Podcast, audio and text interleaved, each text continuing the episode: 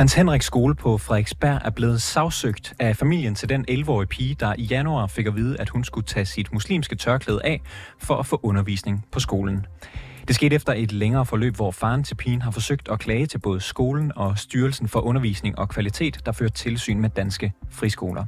Styrelsen har iværksat en undersøgelse, der stadig er i gang, men PT kan de ikke klart svare på, om skolen har forbrudt sig mod dansk lovgivning.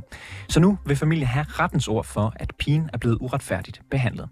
Reporterne har et eksklusivt første interview med familiens advokat. Mit navn det er August Stenbrun.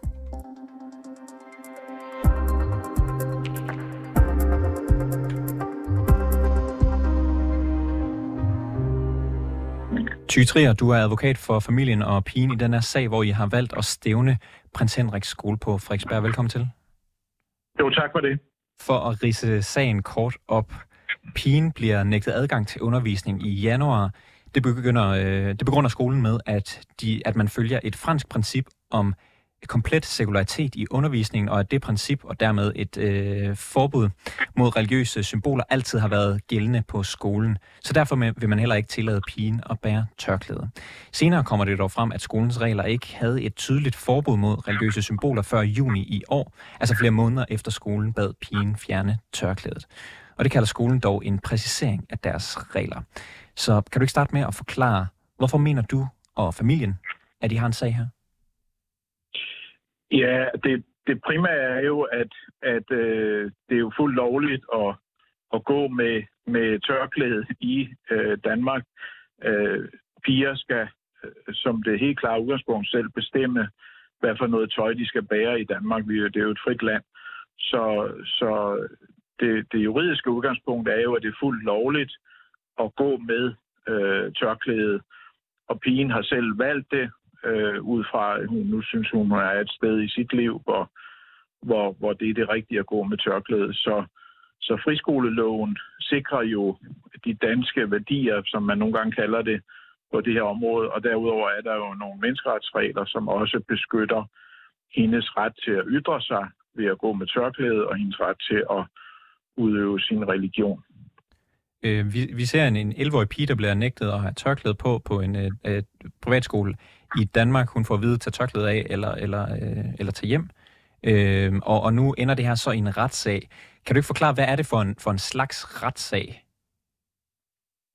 Jo, øh, den sag, som er anlagt i, i den her uge, og som vi ligesom går ud med her i, i dag i, i 24-7, øh, jamen det er jo en, det, der hedder en civil retssag, så, og det er også en principiel retssag, hvor, hvor pigen øh, sagsøger øh, prins Henriks skole, og beder dommerne kigge på det og anerkende, at hendes rettigheder er blevet krænket ved, at man de facto har, har, har smidt hende ud af, af prins Henriks skole tilbage i, i januar.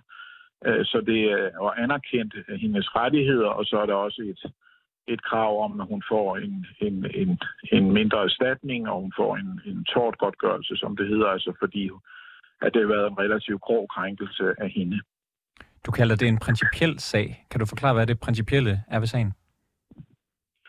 Ja, der, der er nok flere principielle elementer, men et af dem er jo selvfølgelig, hvad, hvad, hvad er det at have en friskole i Danmark? Øh, kan man så hvad skal man sige, importere helt andre landes øh, regler og lovgivning ind i Danmark. Altså forestiller man sig sådan en satellit, at, at vi har øh, franske og kinesiske og saudiarabiske regler på en dansk øh, friskole. Det er jo virkelig det, skolen siger.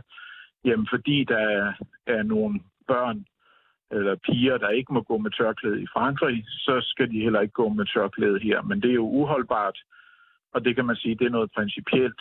Kan vi, kan vi have en friskole, som får en massiv støtte fra staten, men som samtidig øh, ikke vil overholde danske regler om, at man selvfølgelig selv vælger som, som pige på 11 år, vel for en påklædning, man vil have på. Du har været i, i kontakt med familien. Hvordan øh, har den her sag påvirket pigen?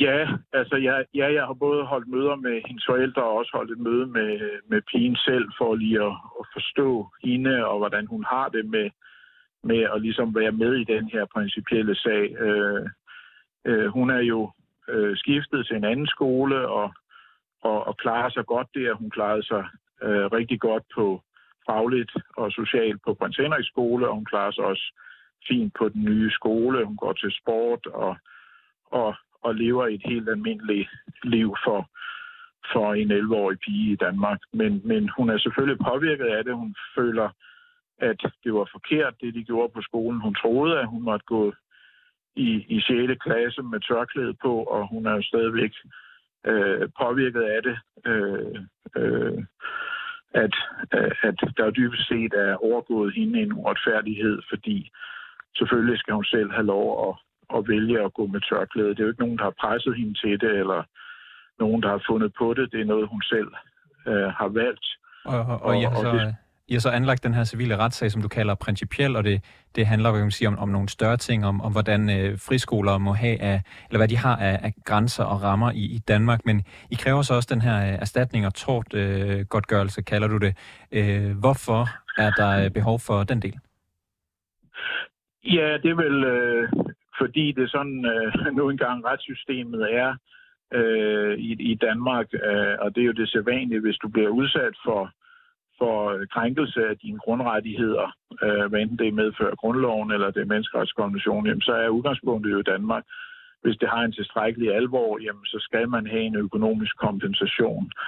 Øh, familien har mistet øh, penge øh, på det her, og, og de har fået forstyrret deres liv, og, og det er selvfølgelig påvirket dem meget som familie, at, at øh, hun selv vælger at sige, nu vil jeg gerne gå med tørklæde, og så øh, bliver hun bortvist fra, fra sin skole og siger, du kan ikke være i klassen og med dine kammerater længere. Det, det, det er jo en, øh, som jeg selv har sagt, øh, en noget brutal måde at behandle en 11-årig pige på. Det er ikke i orden, og, og derfor skal vi have den her retssag. Vi skal selvfølgelig få med retfærdighed for hende, men det er også rimeligt, at der kommer en eller anden kompensation fra skolen, også sådan, så man kan markere, at, at øh, det skal ikke ske for andre, det her. Det er jo også det principielle i sagen. Hendes øh, far, Mustafa, har selv her til rapporterne på 24 fortalt, at det var forældrene, der efter et længere forløb tog pigen ud af skolen.